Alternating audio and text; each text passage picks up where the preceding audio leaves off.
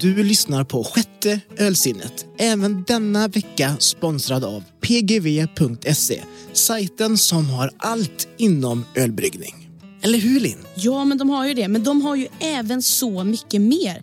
De har bland annat vinsatser och en massa andra spännande produkter för dig som gillar att göra saker själv från grunden. Så varför inte prova att göra din egna korv?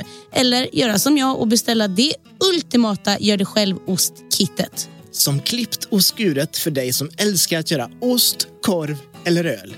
PGV, din butik för hembryggning sedan 1991. Eller din butik för vad som helst, för de har verkligen allting. Så tack PGV! Du vet den där oslagbara känslan när allt är klart. Och man har gjort det själv. Ölet alltså. På pgv.se hittar du allt för hembryggning. Både för nybörjare och proffs. Välkommen in på pgw.se.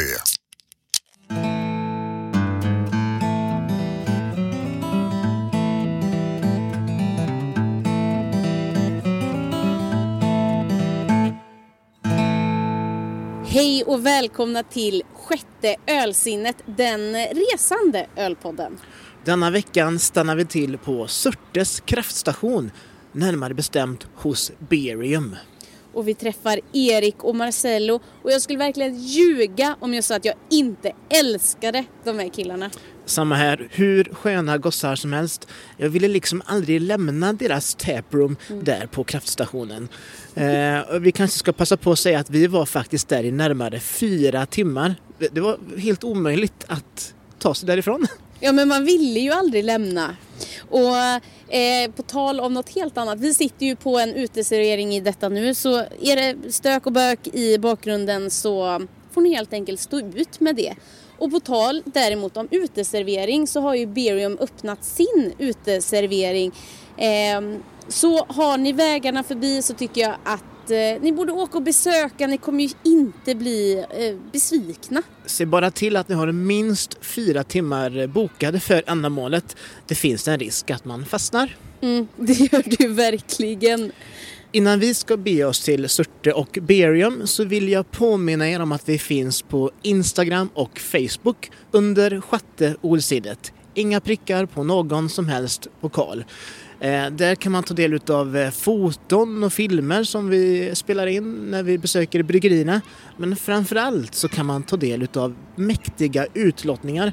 Vi lottar ju ut merch från bryggerierna vi besöker. Allt ifrån ölglas, eh, t-shirtar och väskor. Och den här veckan så är det en riktigt fin utlottning. Särskilt om man tycker om öl och rollspel kanske får man väl säga. Eller bara generellt saker. Och vi finns ju även numera även på Antapped under samma namn. Och merch till oss hittar ni ju som vanligt på Katli och allt finns länkat i beskrivningen. Men nu tycker jag att vi rullar bandet, eller vad säger du Lelle? Vi rullar bandet. Mot Surte. Eh, Jag och Erik eh, träffades eh, första gången 2010 kanske? 2009, 2010. Eh, Då flyttade jag in i ett område där Erik eh, bodde. Så vi bor typ eh, 25 meter ifrån varandra. Eh, Och ganska snart så, så hittade vi varandra för vi hade gemensamt intresse när det gällde musik främst. Och ganska så snart så upptäckte vi också att jäklar vad det är trevligt att dricka öl tillsammans. Vad för, vad för musik lyssnar ni på när ni dricker öl tillsammans? Allt. Ja, det är väldigt blandat alltså, men det börjar nog i hårdrocken tror jag. Det var nog där som vi, liksom den första. Sen så när man lär känna varandra så inser man att det blir bredare liksom, spektrum. Så, så det, vi går mycket på konserter och sådär. Så mycket musik är det. Musik och öl. Eh, El Indio. Vad är det för öl? Ja, det var ju också en sån där kulturell, kulturell vurpa, kan man säga. Lite vurpa, en liten sväng om där. Eh, Det var ju, jag tror jag fick idén när Ennio Morricone, den stora filmkompositören, dog här för, ja vad blir det, ett och ett halvt år sedan eller något där va. Han gjorde eh, spagettivästen. Den gode, den on- den onde och den fule. Ja, för några få dollar mer. Och, eh, Ja, Nej, Ja. tanken väcktes innan hans bortgång också. För den hade vi redan på hembryggarstadiet. Vi hade den tidigt. Eh, Det, namnet fanns tidigt. Det, El Indio är ju en, eh, en skurkkaraktär i För några få dollar mer. Och då eh, fick vi idén om att vi skulle göra en trilogi. Precis som den här spagettivästern-trilogin skulle vi göra tre öl då. Kopplat till var och en av de här tre filmerna då, som är så episka.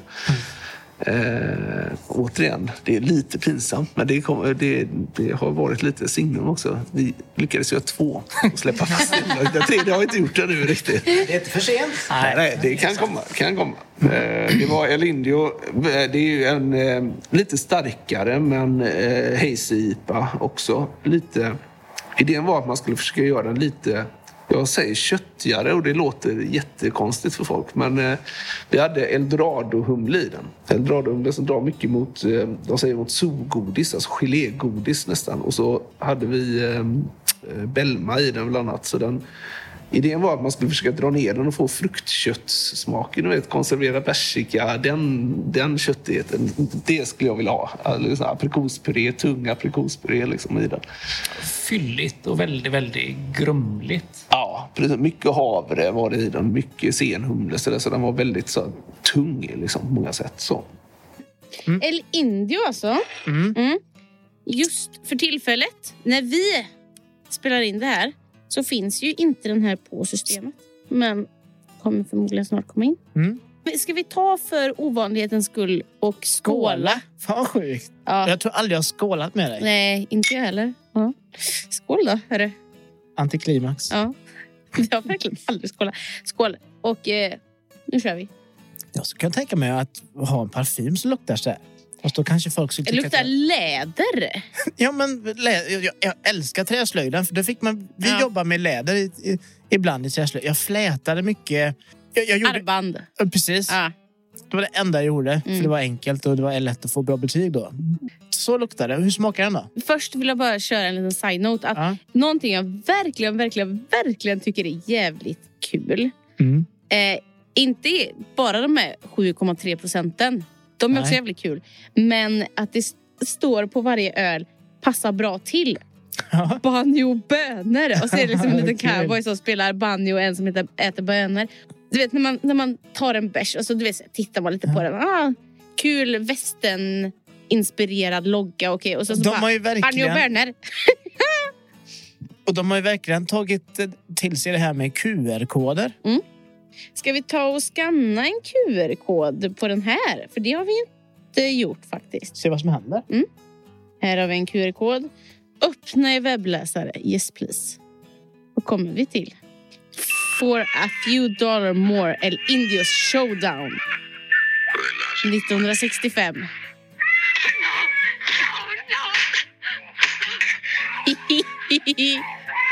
Men coolt, man kommer till ett Youtube-klipp ja, associerat till El Indio.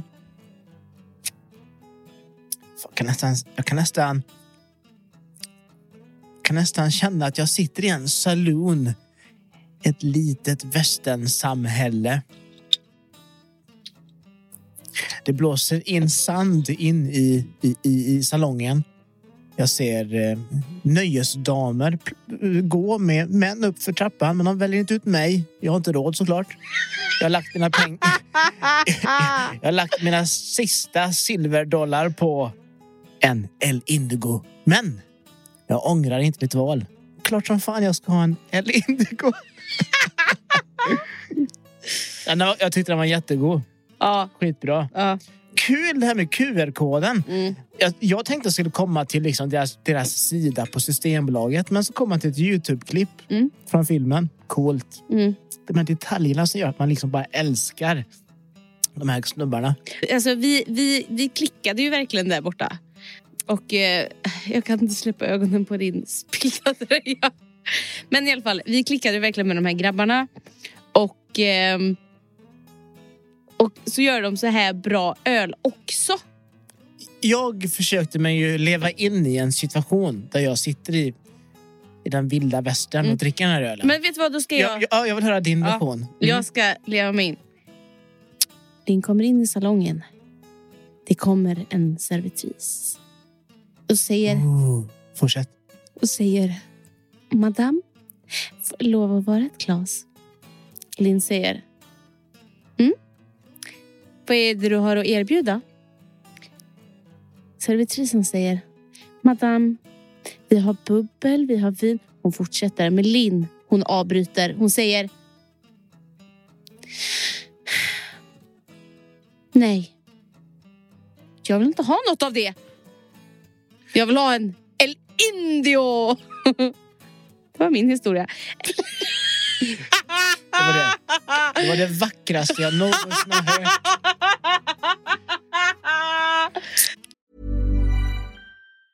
There's never been a faster or easier way to start your weight loss journey than with PlushCare. PlushCare accepts most insurance plans and gives you online access to board-certified physicians who can prescribe FDA-approved weight loss medications like Wigovi and Zepbound for those who qualify. Take charge of your health and speak with a board-certified physician about a weight loss plan that's right for you. Get started today at plushcare.com slash weight loss. That's plushcare.com slash weight loss. plushcare.com slash weight loss. Och I början så eh, upptäckte ni att ni gillade samma musik och att dricka öl. Eh, hur gick det? Eh, från att vara eh, beer buddies till eh, att börja brygga?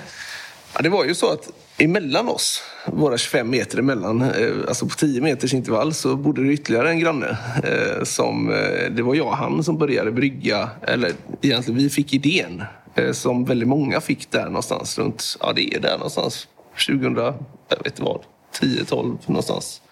12 kanske.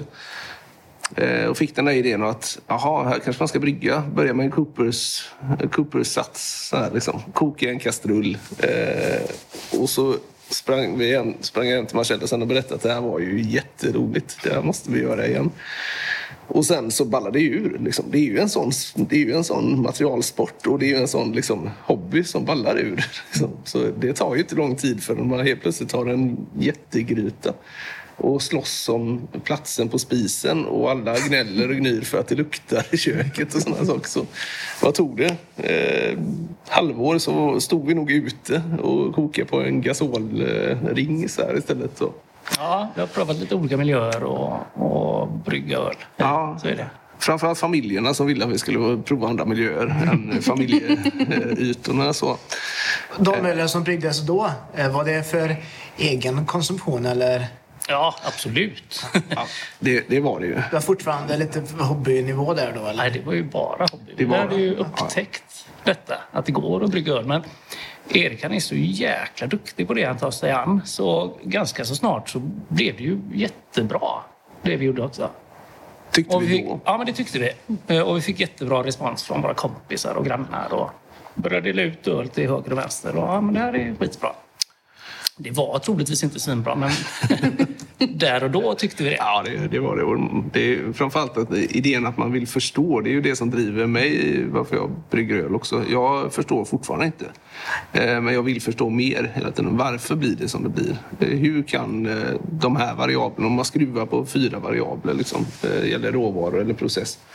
Varför blir resultatet som det blir? Det är ju det som är det fascinerande. Liksom. Det är oftast den, där, den delen som, som liksom lockar mig mycket i det. Och det är ju en eh, outgrundlig källa till experiment. Liksom. Så är det ju. Där. Så att eh, det är väldigt kul. Sen kom väl egentligen brytpunkten till att vi ens började tänka på att vi skulle kunna skapa någon bryggeri. För det tror jag att vi gjorde. Man, man drömde lite, man tittade på andra här i stan och blev lite såhär, åh, det hade varit kul. Men Ja, men samtidigt, det första vi gjorde egentligen var ju att kolla på, på lite häftigare, lite dyrare, lite krångligare utrustning. mm, ja, det var mycket utrustning där ett tag. Men sen så, så upptäckte vi, fick reda på att det var en, eh, jag vet det, hembrygstävling, heter det. Som anordnades eh, 2016, tror jag det var. Av eh, Brewdog Bar på Kungsgatan eh, tillsammans med eh, Jonas Barlind på Barlind Beer. De anordnade en eh, tävling i alla fall där man skulle brygga ett brown ale. Eh, En ölstil som vi aldrig hade prövat att brygga förut. Men vi enades ändå om att ah, ska vi inte ta och testa? Och så skickar vi in prover på detta och så kan vi ändå få lite typ halvprofessionellt eh, omdöme. vad kan vi förbättra? För vi hade ju inga tankar på att eh, det skulle gå så där superbra. För det finns ju oerhört många duktiga hembryggare. Ja, ja. Fanns då och finns fortfarande. Precis. Eh, Men vi började läsa in oss på massa olika recept. Vi gillade stout och porter och Ja. sånt. Så det var nära. Och även om brown ale vi hade provat själva. Men att brygga en hade vi aldrig gjort. Så det hade vi mm. Som sagt, började läsa en hel del. Mm. Och så fick vi kokat lite öl hemma vid. Och eh, jag tror det var du som åkte in och lämnade lite prover över Kungsgatan. Och sen så gick tiden lite och vi tänkte inte så mycket mer på det. Eh, Men sen när kvällen, kvällen kom då de skulle utse vinnaren. Då hade vi fullt upp. Jag, var, jag vet inte vad jag var, men vi hade fullt upp så vi hade ingen möjlighet att vara med och delta i alla fall. Nej, vi, vi, vi la ett tävlingsprotokoll i princip med lite, lite kommentarer och lite tips på vad vi kan göra bättre. Det var eh, liksom det som var bilden. Så jag satt på något tåg på väg från Malmö tror jag. Nästa. Jag hade ingen ambition att åka dit. Tänkte nog inte ens på det. Nej. Och jag vet inte fan hur vi fick reda på svaret ens, om det var dagen efter. Jag fick en mail på kvällen där. kan Jag satt på tåget till och med. Ja, vad kul. Ert öl var, det, var vinnaren enligt eh, domarpanelen. Här då. För då var det Jonas Barlind och så var det personal på Brewdog som satt i, i domarpanelen. Och det var väl, jag vet inte, vad det kan ha varit, 40 tävlande eller någonting. Någonting i alla fall. Jättekul. Vi vann, men vi var inte ens där när det liksom annonserades. Men ångrar ni det sen? Shit! Lite, men samtidigt så var det som själva vinsten och det som kom ut av det var ju det bästa. Liksom. För det, liksom priset var att man fick åka ut till Jonas på Björkö och brygga 200 liter av eh, detta ölet. Då. Eh, och som sen såldes på Brewdog. Och det var, ju, ja, det var ju så kul. Allting att komma ut till honom. Det är ju fortfarande en av mina stora inspirationskällor. Liksom. I hur han jobbar och vad han gjorde där och då. Liksom han stod i ett garage eh, med en 200 liters Braumeister och gjorde öl som jag tyckte var liksom strålande. Så tänkte jag att det här är ju grymt. Kan han få till detta på den lilla ytan? Det här är ju så imponerande. Liksom. Och där någonstans så föddes ju någon, en övertygelse om att det här skulle ju kunna gå. Kan han bygga det i ett garage? Det borde ju vi också kunna göra och börja försöka. Liksom. Ja, dessutom i sin svärmors garage. tror jag. Precis, det är ju de bästa garagen, är ju svärmors garage. För de slipper man betala för, eller? Det är lite så. Det var, det var, jag tror det var... Han hade någon bra kyllösning där också med någon returvatten på någon bergvärme. Så det var bra grejer. Han hade ett bra setup där i garaget. Ja, ja, en super, super trevlig människa. Nej, nej, men som sagt, där någonstans var det en inspiration. Han inspirerar mig fortfarande med sitt väldigt systematiska sätt att ta sig an utmaningar. Och han har ju vuxit liksom, successivt men väldigt, väldigt eh, med, en, stark liksom, integritet på något sätt. Han eh, tar inte på sig mer än vad han vill. Han säger att jag trivs här ute, jag eh, har det bra här. Detta är min identitet och det kan jag relatera till väldigt starkt. Alltså. Och han, eh, han är inspirationskälla, tycker jag. Verkligen. Men var det den vevan när ni vann det här eh, första priset som ni gick till att bli ett företag, eller? Ja, det var där tanken på att ens göra detta väcktes ju där. Och det var ju då vi började prata ihop oss. Fan, det här går ju att göra. Precis. Eh, Och ganska så snart efter det, jag, har ju noll minne, men ganska så snart efter det så drog vi igång processen med att starta ett företag. Ja, precis. Och från början så tänkte vi att vi skulle göra någon förening hemma i området då, liksom, tillsammans med de som började hembryggen. Men det alltså, ganska snabbt så insåg vi att ja, men, vi borde starta ett aktiebolag. Men ingen av oss hade ju liksom någon erfarenhet av att driva bolag. Vi kunde ju ingenting liksom, om detta. Så det var ju en ganska lång resa. Men eh, det första var ju att hitta en lokal. Det var ju, vi tog kontakt med kommunen, näringslivsrådet i, i Ale fick lite tips och då fick vi tips bland annat om Camilla Sporre som hon heter som äger, äger området här. då. tog kontakt med henne och precis då så möts vi där någonstans när vi letar en lokal. Och det blir jättebra. Om vi tar den här kraftstation Pale Ale. Hur, hur smakar den? Ja, det, kan vi säga, det är ju nästan det ölet som vi har jobbat mest med om du räknar ända från hembryggartiden. Alltså för det tror jag var ett av våra första recept som började krångla med. Jag tror säkert vi har gjort en jag tror 50 versioner eller någonting av det säkert. Ja, och grejen är, vi ska ju tillägga också att eh, när man väl brygger ett öl första gången så är man ute efter en viss eh, smak. Eh, och så ja, så är man hyfsat nöjd med det men tänker att ja, men det här skulle nog kunna vidareutvecklas lite till och så skruvar man på vissa parametrar och så vidareutvecklar man det. Min, min bild av en American Pale Ale det är Sierra Nevadas Pale Ale som jag håller extremt högt. Det är inte den mest explosiva, det är inte den som liksom totalt bara blommar ut i smaker. Absolut inte tvärtom. Den är extremt bra i sin otroliga enkelhet. Långa smaker sitter kvar länge, väldigt balanserat. Och är liksom urtypen för amerikansk pale ale. Liksom. Ja, ja, ett av de första ölen man testade som, eh, som var craft beer en gång i tiden. Liksom. Och den är som, ju liksom, som har en, en varm plats i hjärtat. ja, den är först. Det är en arketyp. Liksom så. Och det har, jag, det har vi strävat efter. Liksom, att nå dit. Det är inte lätt på något sätt kan jag säga. Men jag tycker det har blivit bättre och bättre. Och där är kraftstationen är, ja, jag ska inte säga nära. Det, det låter väldigt högflygande. Men eh, det är ditåt vi strävar i alla fall. Åt det hållet. Absolut inte det mesta ölet. Liksom. Du kan hitta mycket, mycket mer smakrika, smakexplosiva öl. Men det här ska vara balanserat, det ska vara snyggt. Det ska vara Smakerna ska vara i harmoni, ingenting ska dominera. Det ska funka väldigt bra till mat. Det, är det, som, det har också varit en sån här eh, grej vi har gått efter. För det, ölet får aldrig liksom ta över smaken av livsmedlet utan det ska bara liksom komplettera och harmoniera med det du äter liksom, på något sätt. Vad ska man käka till en krafthus eh, Pale Ale då? En burgare gör ju sig svinbra.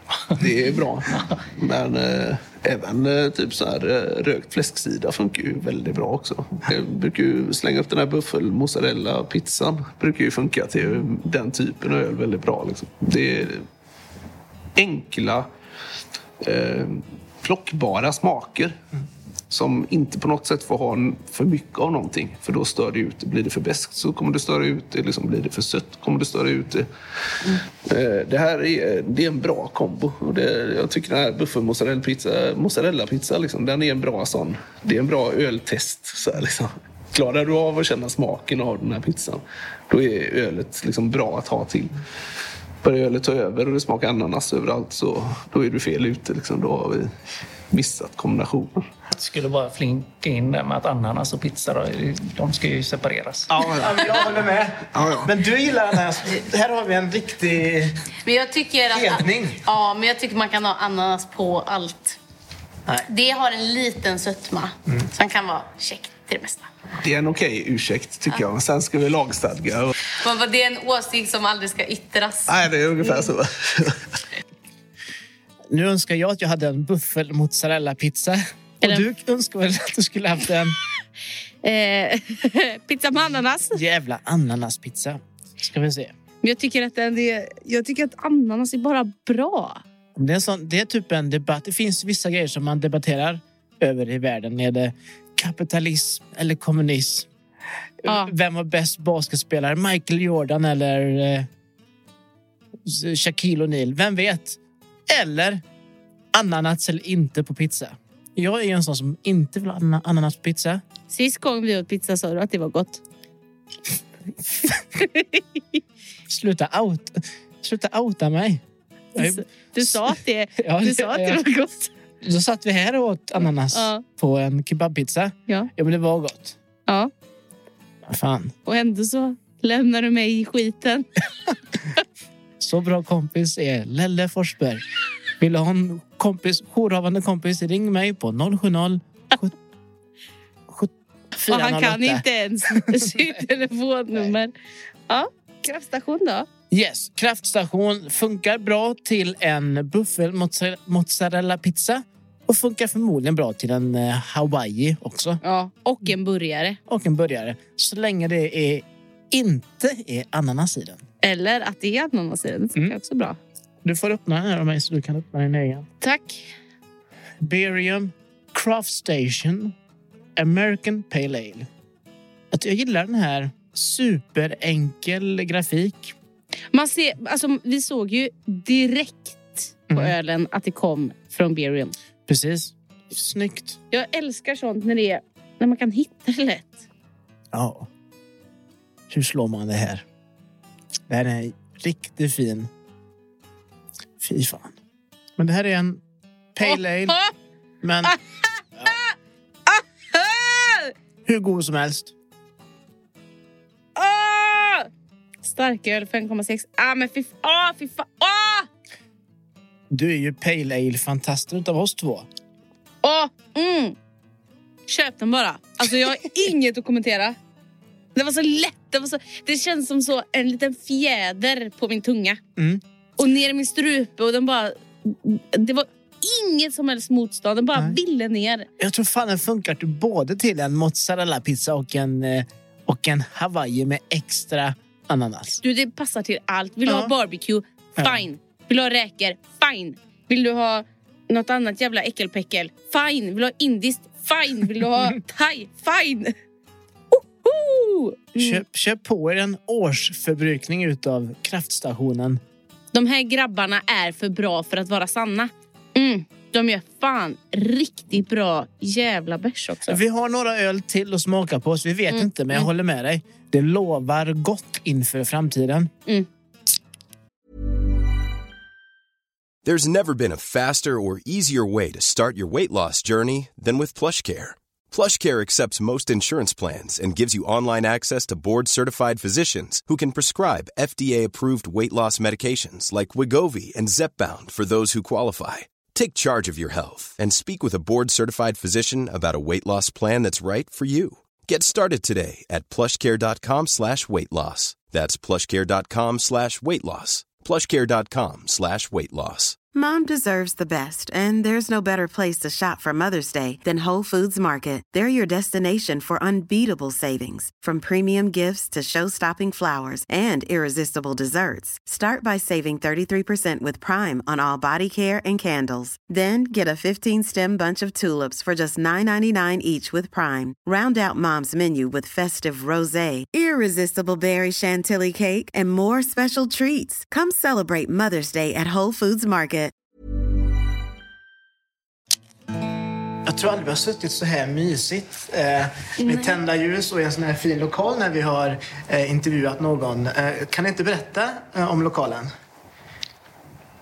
Ja, eh, vi befinner oss då inne i Surte kraftstation eh, som är ja, en gammal kraftstation till Surte glasbruk som eh, var det absolut största ledande företaget som fanns här i kommunen har varit jätteviktigt för hela samhället. Eh, Dessvärre så lades det ner 1978 och eh, där och då mer eller mindre så bara de bomma igen den här kraftstationen också för den behövdes ju inte längre då. Eh, Och sen stod den mer eller mindre orörd i typ 40 år. Mm, ja, 30 i alla fall. 30. Ja, Ja, något sånt. Vi är inte, matte är inte riktigt men, men den stod länge. Helt tom i alla fall. det är ett coolt bygge, bara man ser det från utsidan. Eh, Men det var nog inte så jäkla coolt när det hade stått enbommat i vad det nu var då, 30-40 år. Eh, Men lik förbannat så, så såg hon eh, stora möjligheter med att göra något häftigt av detta. Hon ville skapa någon form av eventlokal eller någonting. Så hon la ner jättemycket tid och, och pengar på att rusta upp stället och renovera upp det på det här fantastiskt häftiga sättet som hon gjort. Vad ska man säga? Någon form av industriell känsla som varvas med något modernt tänk. Jag vet inte. Ja, precis. Och lite just någon förkärlek för lite antikviteter. Det finns mycket grejer kvar från gamla liksom, glasbruket. Försöker hon plocka in mycket saker som hon har de stora förråden kvar med mycket av materialet kvar också. Så det finns någon slags blandning där. Men mycket med teglet och sådär som finns kvar. Liksom, att man inte målar över och putsar över allting utan att det liksom är väldigt hon har försökt hålla detta. Liksom. Det hade varit lättare med de här takfönstren. Till exempel anteninerna, de läcker ju, liksom, läckte vatten något fruktansvärt. Det hade varit lättare att bara slå på ett plåttak. Men hon ville absolut behålla dem för ljuset och för originalkänslan. Så det är en typisk sån grej. Liksom. Rustik och lite ruffig miljö. Precis. Men, Men ändå... mysig, jag tror, jag tror industriromantik är eh, en bra term. Det är termen vi söker. Tack. Ja, ja, bra. Och vad var det, vad sa ni? Europas eh, fräckaste toalett eller Ja, åtminstone, åtminstone Västeuropas. Ja. Så har ni inte varit här så rekommenderar jag absolut ett besök ja, På toaletten. på toaletten. Absolut. Det är, det är det man kan komma hit för. Sen så får man resten på köpet. Liksom. Ja, man kan unna sig en öl också. Ja, ja, det måste ju finnas ett incitament att använda toan liksom, på något sätt. Så ni har det här som ett... Eh, detta är ert taproom kan man säga. Eh, tillsammans med en annan aktivitet som, som sker här. Jajamän. När världen var lite annorlunda innan pandemin här så körde vi åtminstone en gång i månaden. Vi hade som, eh, som mål att köra ja, åtminstone då sista lördagen varje månad. Då öppnade vi upp här och, och kör taproom. Nu har vi legat väldigt, väldigt lågt. Jag tror det, det har också vuxit med oss i och med att vi har liksom, bryggeriet har utvecklats och vi har lagt så mycket tid på det och vi har jobbat lite som väldigt många gör när man börjar. Man börjar lite för litet. Alla säger till en väldigt tydligt som man pratar med som har hållit på med det här ett tag längre. Köp inte för lite utrustning, ni kommer jobba er ur den. Liksom. Det kommer inte ta lång tid för nu växer ur den. Eh, vi köpte lite för lite utrustning ändå. lite fegt sådär. Eh, och vi har fått jobba för det kan man säga. Och vi har gjort ganska mycket roliga saker under tiden. Bland annat starta smakbaren och sådär. Men det har aldrig blivit sådär att man har den här fullt ut tiden för att kunna lägga på att utveckla den så mycket som vi hade velat kanske. Nu så har vi det. Vi, vår ambition är i alla fall att vi ska satsa på 2022 och få till en utvecklad smakbar där vi kan få hit fler, där fler upptäcker det liksom, och där vi kan ha en lite mer effektiv liksom, eh, rullians på, på bar och sådana här saker till exempel. Ja, ja. Det är mycket folk så. Och grejen är verkligen, vi vill verkligen få folk till att upptäcka Surte och den här otroligt häftiga lokalen. Och avståndet in till Göteborg är ju så jäkla kort. Det är liksom, om man tar pendeln från CSS-stationen så är det, vad är det 10 minuter med pendeln. Typ 10-12 10-12 minuter. minuter någonstans. Så det en 5-6 minuter att gå därifrån bara. Det går väldigt, väldigt fort. Liksom. Noll byten. Ja, det är noll byten ja. Är man supertörstig på vägen så kan man stanna till i Gamlestan. Det är första stoppet. Så går man ner till Spike där. Och, Ja. Ta en liten mellan, mellanlandning där. Eh, nej men som sagt, eh, för Surte mentalt sett, när man pratar med folk i Göteborg och sådär ibland, så vissa känner knappt till det överhuvudtaget och en del upplever att det är, alltså mentalt sett så kunde det vara Karesuando liksom. Det är hur långt bort som helst. på. Men det är inte så himla farligt. Liksom. Det är ett tåg, liksom två hållplatser och så är du där. Mm. Det är väldigt, väldigt smidigt. Så det är väl lite det som är idén. Vi vill ha fler folk hit. Och så fort vi liksom bara kan köra så kan vi ha öppet lite oftare och sådär också. Så det är ju det som är grejen. De som har kommit hit ifrån Göteborg, är det just ölentusiaster då som eh, eh, har eh, hört om er på nätet eller via... Både och. Främst kanske det är den typen av, av personer som kommer hit. Men samtidigt så är det andra som som bara liksom är nyfikna och kommer hit med, med barnvagnar och alltihopa. Liksom. Hela familjen kommer på ett litet utflyktsbesök. Eh, Så det har varit väldigt skön blandning av människor som har varit här också. Verkligen. Det är hundar och ungar och grejer. Och det är liksom, det, jag brukar säga att det är, det är lite som ett förlängt vardagsrum och det är lite så vi vill ha detta också. Den feelingen är att om du bor här så ska du kunna gå ner, glida ner vid två eller tre, dricka några öl, käka lite, lyssna på lite musik eller sitta och snacka lite och sen gå hem om du vill. Eller åka in till stan om du vill. Liksom. Men det ska vara avslappnat. Det är det som är idén. Alla vill ju ha ett vardagsrum med hundar och ungar och grejer. Ja, alla har ju det, fast man kan sitta och dricka öl i en skön en annat vardagsrum. Home away from home. Ja, ja, Bra. Men om vi rullar tillbaka bandet lite till när ni väl hittade den här lokalen. Hur fortsätter ni med företaget sen? Första steget blev ju att renovera och göra ordning eh, hela källardelen. För det var ju ganska så nedgånget då också. Det så det var- var ju att lägga golv och, och göra, den, eh, göra den redo för livsmedelstillverkning. Det är ett ganska stort steg. Så det tog ju, vi tänkte att det här går ju ganska snabbt. Det Sex där på- veckor tänkte Ja. jag. Så här, planerade. Nej, det tog längre tid än så. Det tog sex månader. Gjorde. Oj, ja. Nej, men det var, vi var naiva. Liksom. Vi förstod aldrig omfattningen. Liksom. Hur lång tid tar det att dra helt ny el? Till, liksom, så här, det tar tid. Liksom. Det går inte fort. Så, här, men vi har haft mycket stöd av, eh, av eh, ägaren och Camilla. Väldigt mycket stöd. Ja, även av andra människor andra. här på området. De, Man behöver möta vissa kriterier och så eller så kommer det representanter från kommunen ner och ser till att ni sköter er och gör det Så, så är det ju. Det är, vi har ju årlig livsmedelsinspektion och livsmedel och miljö då, så de går igenom ett antal saker. Men eh, innan vi fick bygglovet och allt det här och och, och serveringstillstånd sen också så var det brandskydd och det var massa saker om tätningar och sånt där som man egentligen inte har någon större koll på som privatperson. Liksom. Men eh, man, man får lära sig. Liksom. Och det är lite intressant att man tar det med sig när vi då har byggt en, ett nytt bryggeri, om man säger nu då. Man tar med sig en del av de erfarenheterna för det finns ju hundra saker som vi inte borde ha gjort eller som vi borde ha gjort annorlunda kan man säga när vi gjorde det här, här nere. Men vi visste inte, vi var naiva och jätteglada. Vi som, liksom, vi är som hundvalpar, vi var jätteglada att få, liksom komma igång. Så. Så att eh, det fanns flera grejer som man hade gjort annorlunda idag. Men det är ju så det är. Man lär. Doing liksom. by learning. Ja, lite så är det. Och det, vi har ju fått sota för vissa grejer ganska eh, långväga. Men eh, det är så man liksom växer också och lär sig lite grann tycker jag. Vad är det ni har fått sota för? Ja, vi kanske borde förstått det här med avlopp lite bättre. Eh, till exempel att det är det mest centrala i liksom ett bryggeri. Sen hade vi varit lite fiffigare så hade vi ganska så snart fattat att man kan ju inte ha varutransport som liksom är en superbrant trappa med väldigt, väldigt lite dörr.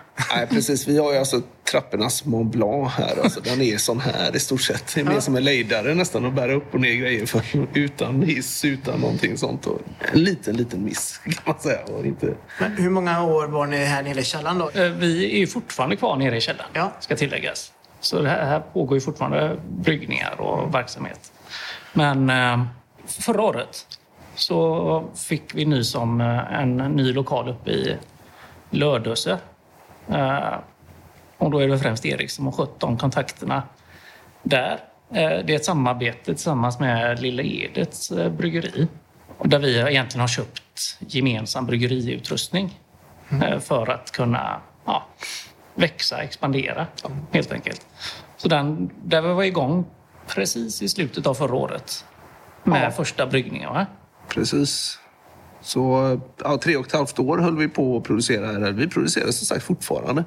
Men vi var ju nära någon slags... Eller vi, vi stod ju i ett gränsland. Antingen så slutar vi, för vi kan inte... Då hade vi så stor efterfrågan. Så att med det, den utrustning vi hade här nere och som vi fick plats med här nere. Det kunde vi inte mäta. Vi kunde liksom inte möta den efterfrågan. Så. Eh, när pandemin kom så slog vi om liksom och producerade allt mot Systembolaget. Så allting skulle flaskas. Och den flaskutrustning vi valde i tidigt stadium eh, kanske man borde funderat ett par gånger till innan man valde den. Så. Och det sågs på båda att det var, det var en mardröm. Där kommer den känsliga delen i detta. Så den, där gjorde vi nog kanske... Där kanske vi inte borde sparat de pengarna riktigt. Men eh, det förstod vi inte. Och sen har vi hela tiden gått och funderat på, ska vi expandera? Eh, ska vi göra någonting? Men det är mycket pengar också. Det är väldigt mycket pengar. Och det är fortfarande för oss... Det, det är fel att kalla det en hobbyverksamhet, men det är fortfarande en sidoaktivitet jämte våra vanliga jobb. Så.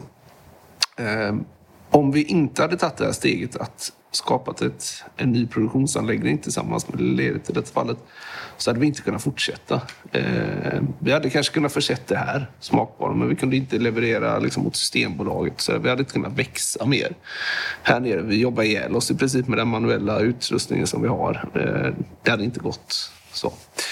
Hur många kvällar eh, lägger ni i bryggeriet? För många är ju så ett löjligt svar, men det är väl det som ni får av alla. Men, eh, nu har det varit extremt när vi håller på att bygga där uppe i Lödöse också då i så fall. Men nu har det ju varit 25, ja, mellan 20 och 25 timmar i veckan.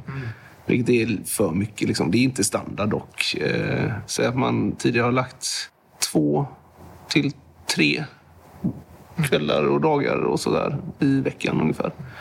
Har man lite smakbar på lördag eller något annat event på lördag och, och såna här grejer. Plus att man tar två kvällar här kanske. Men det är ju en hobby som ballat ur. På det sättet så är det ju en lågmarginalbransch. Så liksom att det, är, det är ju så. Man måste producera mycket för att kunna tjäna några pengar. Eh, en viss volymtröskel och sen så kan du börja göra pengar. Liksom. Eh, givetvis så en dröm är ju att kunna arbeta med detta. Åtminstone en, en, en del av en tjänst. Liksom. Ja, den tiden vi har tid lägger jag och vi har inte så mycket tid liksom, egentligen. Eh, första steget är ju att vi kan producera mer volym per timma, vilket vi kan nu uppe i, i Lödöse. Då. Nu kan vi liksom få ur oss 1200 liter på en bryggcykel istället för 200 som vi kunde på samma tid. Liksom. Så att det är sex gånger så mycket öl som vi får ut på samma tid. Vilket är otroligt fördelaktigt. Och så en liten bättre buteljeringslösning också kan man säga. Eh, där det går lite fortare att buteljera än vad det gjorde tidigare. Så nu med det så kan man volymmässigt börja förse fler eh, systembolag, mer på Systembolaget, eh, restauranger, vår egen verksamhet på ett mycket smidigare sätt istället för att vi behöver liksom slita ihjäl oss för de här litrarna. Då, liksom. Så det är första steget. Får man det att snurra och pengarna börjar liksom gå in lite grann i och med att volymen ökar, då kan det bli aktuellt. Ja, eh, annars tror jag det blir väldigt, väldigt svårt att driva det som en hobby. Det finns ju andra som betalar liksom den räkningen. Om man har familj och sådär så är det ju... Det, alltså det står inte högst upp på listan, bryggeriet. Det är ju inte det mest populära hemma vid. Liksom. Så, så är det. När man på semesterresor för, föreslår att man ska gå och besöka, åh titta här är ett bryggeri, så nej, det är inte riktigt det som de vill höra då. Men ni verkar ju ändå väldigt drivna med det. Så tror ni inte att ni kan ta er hela vägen? Jo, jo, absolut. Det, detta är ju verkligen ett första steg. Den här större produktionsanläggningen som vi har uppe i Lödöse. Nu kan vi börja jobba på ett helt annat sätt. Eh, för att vi får ut mer öl per timme som vi lägger ner helt enkelt. Absolut. Sen är vi lite goa också. Det är ju lite sån här, jag kallar det för SimCity-syndromet. Man vill ju hela tiden växa och liksom utvecklas och göra mer grejer. Och så börjar man tänka sig att ah, men det hade ju varit bra med en, en egen restaurang eller något liknande. Så du liksom säljer eget öl över egen disk. Det är ju liksom det bästa du kan göra. Men det är ju så naivt. När ska vi ha tid med det? Ska vi stå där varje fredag, lördag kväll då i så fall? Till exempel. Men man vet inte. Vi får se. Ja, ja, och grejen är att vi, vi älskar ju detta stället. det detta stället i Surte. Och möta gästerna här. Kunna köta lite med dem. Dricka en öl eller två sen eh, när den möjligheten finns också. Liksom. Dricka öl här och lyssna på livemusik Ja, måste ja. vara magiskt. Och så hade ni den här ytan som ni kan eh, använda på sommaren som också verkar toppen. Ja, ja. Helt fenomenalt Mm. eh, trevligt. Sitta lite i skuggan av trädet där vet du, när det är 30 grader varmt. Och det är inte dumt alltså. Lite musik i bakgrunden och lite, lite dryck. Så det är fint. Men ni nämnde att ni, ni byggde först ett bryggeri här i, i källaren. Ja. Och, och nu har ni det ute i, i, uppe i, i Lödöse. Men ni var och bryggde lite på, eh, hos Spike också. Hur kom det sig? Men det var för att vi, efterfrågan var så pass stor. Vi hade ingen möjlighet med den lilla utrustningen vi hade här nere att förse eh, våra kunder helt enkelt. Så var det. Och vi, har, eh, vi, vi var helt enkelt tvungna. Det gick inte. Och där någonstans får man ju liksom bestämma. Antingen så satsar man. Och då, det är ju mycket pengar. Liksom. Det är ju så. Det, det handlar ju om liksom miljontals kronor du får lägga ut för att investera i en, i en större utrustning. Och jag tror inte vi var där mentalt ändå. Vi höll fortfarande på att lära oss, tyckte vi. Liksom. Det gör vi fortfarande. Men det, det är ju väldigt så. Liksom. Eh, Men nu så känns det, det här var helt rätt och speciellt i samarbete med ett annat bryggeri som är i samma, i princip samma position som vi. Eh, Och har samma problematik, att de har vuxit ur sitt, sitt eh, tidigare bryggeri. Liksom. För de behöver också den. Och vi, vi, hade, vi träffades för ganska länge sedan första gången och bara nämnde idén. Så. Men sen så gick vi varsitt håll och körde våra grejer. Och så kom väl det här ut för ett, ett kan vi säga, i ja, årsskiftet för ett år sedan ungefär så hade vi ett konkret möte där vi diskuterade just det. Ska vi forma ett, ett gemensamt bolag och eh, köpa in utrustning, dela på den. För så som det är så utnyttjar man ju inte, alltså utnyttjandegraden på ett 1200 liters bryggverk och 1000 liters tankar. Eh, vi kommer inte, det är ju inte så att vi brygger varje dag. Det har vi, så mycket försäljning har vi inte. Vi har inte den typen av efterfrågan ännu. Eh, och därför tyckte vi att istället för att vi brygger på det 20 veckor per år eller 15 veckor per år och sen står det still resten. Så är det ju bättre att vi liksom delar på investeringen och så utnyttjar vi dubbelt så mycket. Och där har vi ju även utrymme för att kunna ta in eh, licensbryggningar nu. Liksom. Det är en del, som, en del som vi vill göra. Det, vi har skapat utrymme för det. Att andra ska kunna komma och brygga hos oss. Då. Även eh, denna säsongen är vi ju sponsrade av Creopack som har en liten sommarhälsning att de just nu kör en kampanj på de populära Carry Home-lådorna. Man kan alltså välja mellan fyra och sexpack, vita eller bruna. Och hållarna passar till långnäck och vichyflaskorna. Maila din beställning till info och uppge sjätte ölsinnet och få hela 25% rabatt på dessa carry home-lådor. Surfa in på creopack.se för att eh, kolla in sortimentet. Stort tack till vännerna på Creopack. Den här uh, I sleep when I'm dead. Eh, namnet, där har vi en, en artist som heter Warren Zevon som hade en låt eh, som vi föll för ganska... Eller, så här var det. Den här bärsen eh, tog jättemycket tid någonstans att eh, dels komma på recept och sånt, men sen också själva produktionen. Det har gått, det har gått jättemycket tid. Och, eh, det var så att vi nästintill var på väg att knäckas där. Liksom. Och då var ju det extremt passande med det här namnet. Att sova, det får vi göra en annan gång. Liksom. Det var, klockan var halv två. Vi stod här nere på något sätt och höll på och grejer och försöka förstå någonting. Eh, och då, då passade det väldigt bra att den fick fick det namnet. Så låten heter I sleep when I'm dead också. Då. Sen har det blivit förkortningen blir Isvid för det var liksom etiketter, en av våra första etiketter så tog man bara initialerna i det, ISWID. Så det är många som bara känner den som det.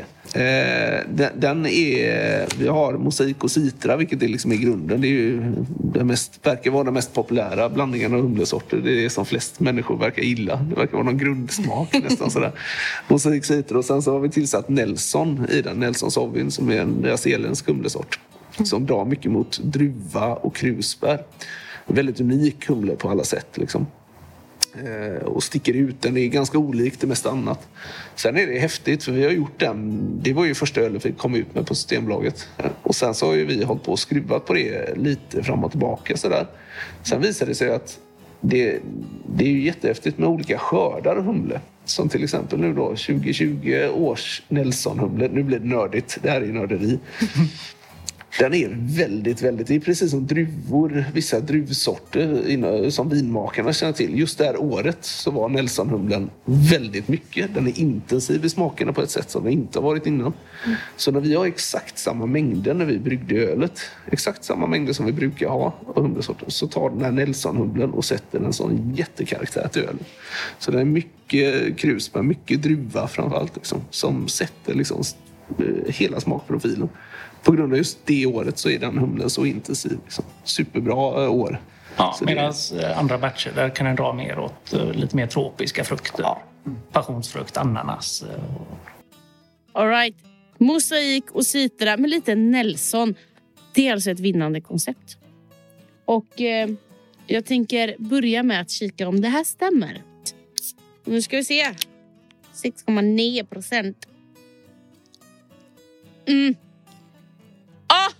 Aj, aj, aj, aj, aj, aj, aj. Det sprutar glitter ur Linus öron. Det är att jag vet inte hur jag ska förklara.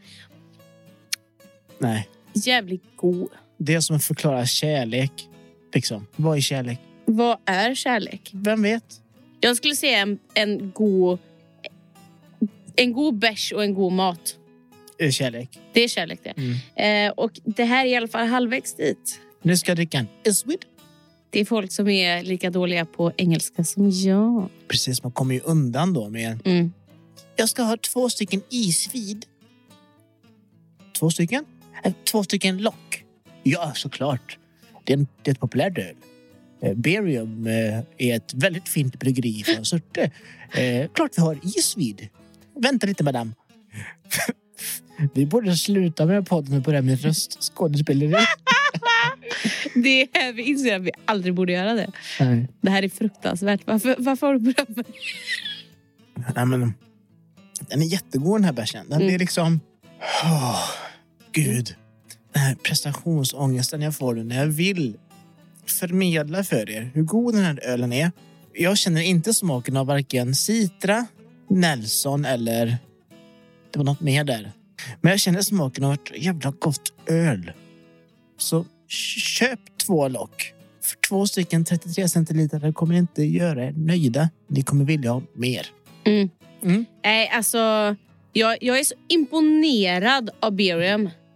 Att det är helt sinnessjukt. Det här är ju så bra så att jag, jag vet liksom inte vart jag ska ta vägen. Jag blir så tårögd. Linn, Se, Ser du mina ögon? ja, du, Ser du mina ögon? du har både säckar och påsar och rynkor och tårar. Nej. Och, och jag har förstått det här med öl och mat. Det är ju som Bonnie yin, and Clyde. yin och yang. Vad ska man inmundiga för mat till en iswhip? Jag skulle inmundiga ingenting för att jag vill att den här underbara ölen ska stå för sig själv, visa världen rättvisa och end of story. Den här dricks bäst med fem stycken till. Och ölet säljer bra på systemet här, eller? Ja, absolut. Det närmsta systembolaget som vi har här då, kommunens systembolag i, i Nördinge, där eh, går det, ja, det går bra. Finns det på fler bolag? Ja, vi... eh, Ja, det här med, med hur många bolag som finns, det är också en jäkla märklig process. Mm. Inledningsvis när vi började så fick vi möjlighet att sälja på ett bolag. Eh, så då var det här i Nördinge i Ale kommun. Då. Eh, och sen så görs det utvärderingar efter ett tag. Och har ölet sålt bra då så kan man få utökning.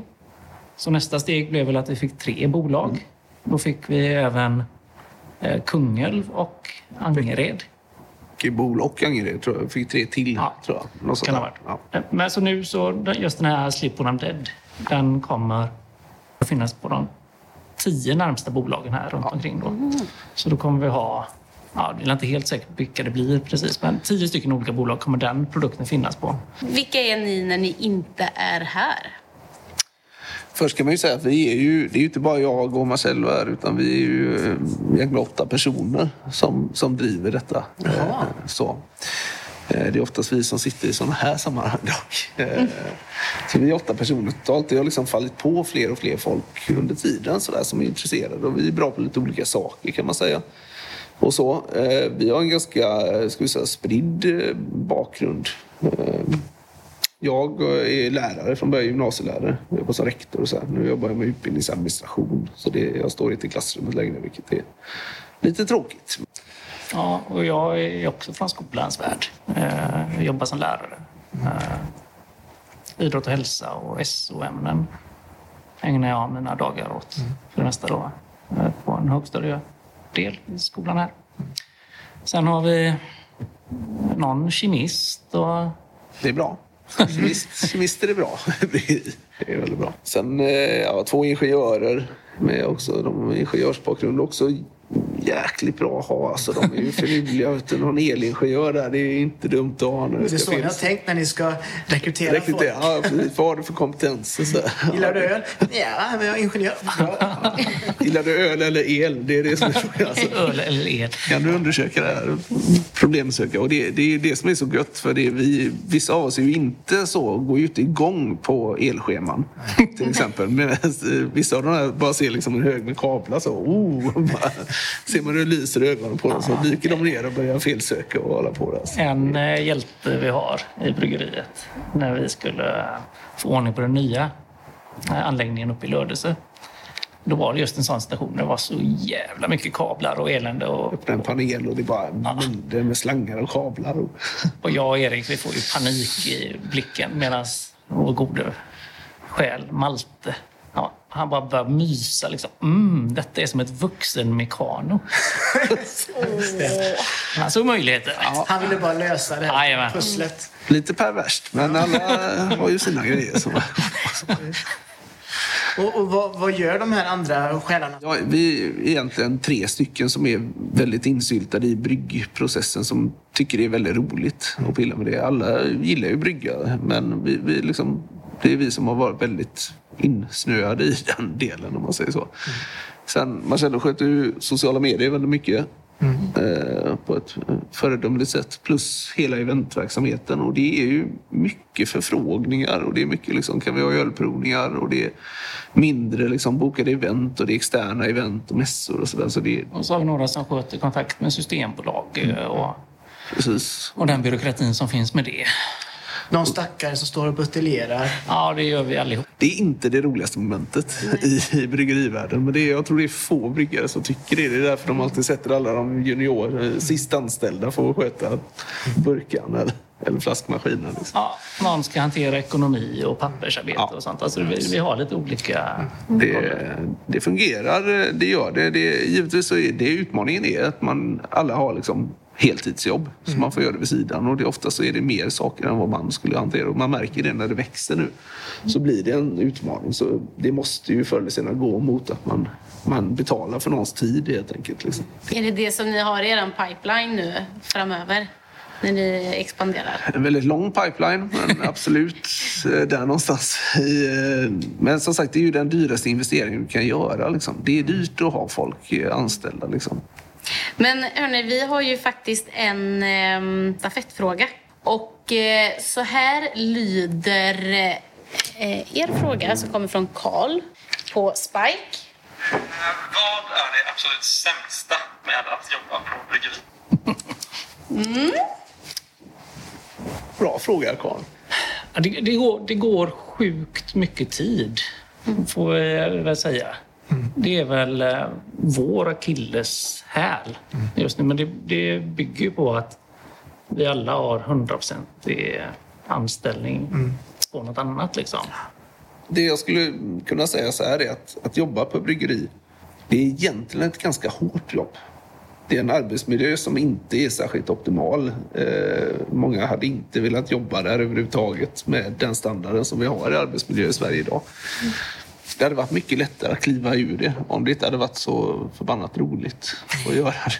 Och det är mycket, det är mycket lyft och det är mycket sådana här saker som man har inte kommit så långt som man har gjort i andra branscher, liksom med säkerhetstänk. Om ni skulle rekommendera varsitt öl, och det får inte vara eh, Beriums öl. Nej. Ja, det var ju svårt. Nej. inte för att det inte var berium, utan det är bara att det finns väldigt mycket bra. Ja. Men vi har ju en. Ja, så är det. Har ni en gemensam favorit? Ja. Visst, vet du. Eh, Det finns ett, eh, en eh, väldigt bra Imperial Stout från Goose Island, det heter bryggeriet Chicago. Eh, Och ölet heter Bourbon County, som är ett sånt där mytomspunnet öl på många sätt. Liksom. Speciellt innan de sålde bryggeriet till, ja det var nog Inbev eller något sånt där. Det är fortfarande väldigt bra öl. Men eh, tidigare så var det verkligen ännu mer som en graal. Liksom så.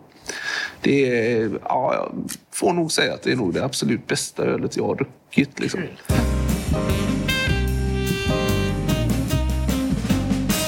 Jag älskar verkligen det här avsnittet. Jag håller med och jag älskar verkligen de här gossarna. Eh, otroligt kompetenta och eh, lika jävla trevliga att umgås med. ja. Eh, om ni redan nu är sugna på att veta mer om nästa avsnitt, ja då vet ni vad ni ska göra. Ni kan ju hälsa på eh, på våran vän Viktors blogg Hantverksbira.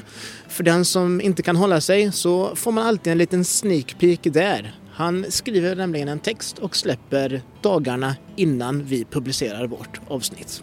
Mm. Och den länken finns ju i beskrivningen.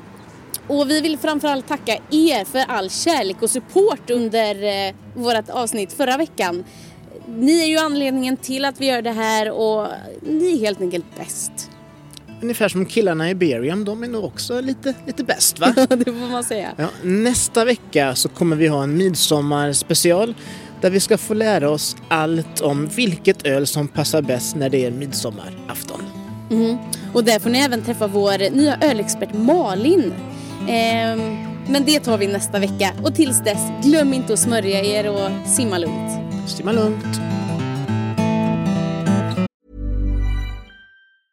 Planning for your next trip? Elevate your travel style with Quince. Quince has all the jet setting essentials you'll want for your next getaway, like European linen, premium luggage options, buttery soft Italian leather bags, and so much more. And is all priced at 50 to 80% less than similar brands. Plus, Quince only works with factories that use safe and ethical manufacturing practices. Pack your bags with high-quality essentials you'll be wearing for vacations to come with Quince. Go to quince.com slash pack for free shipping and 365-day returns.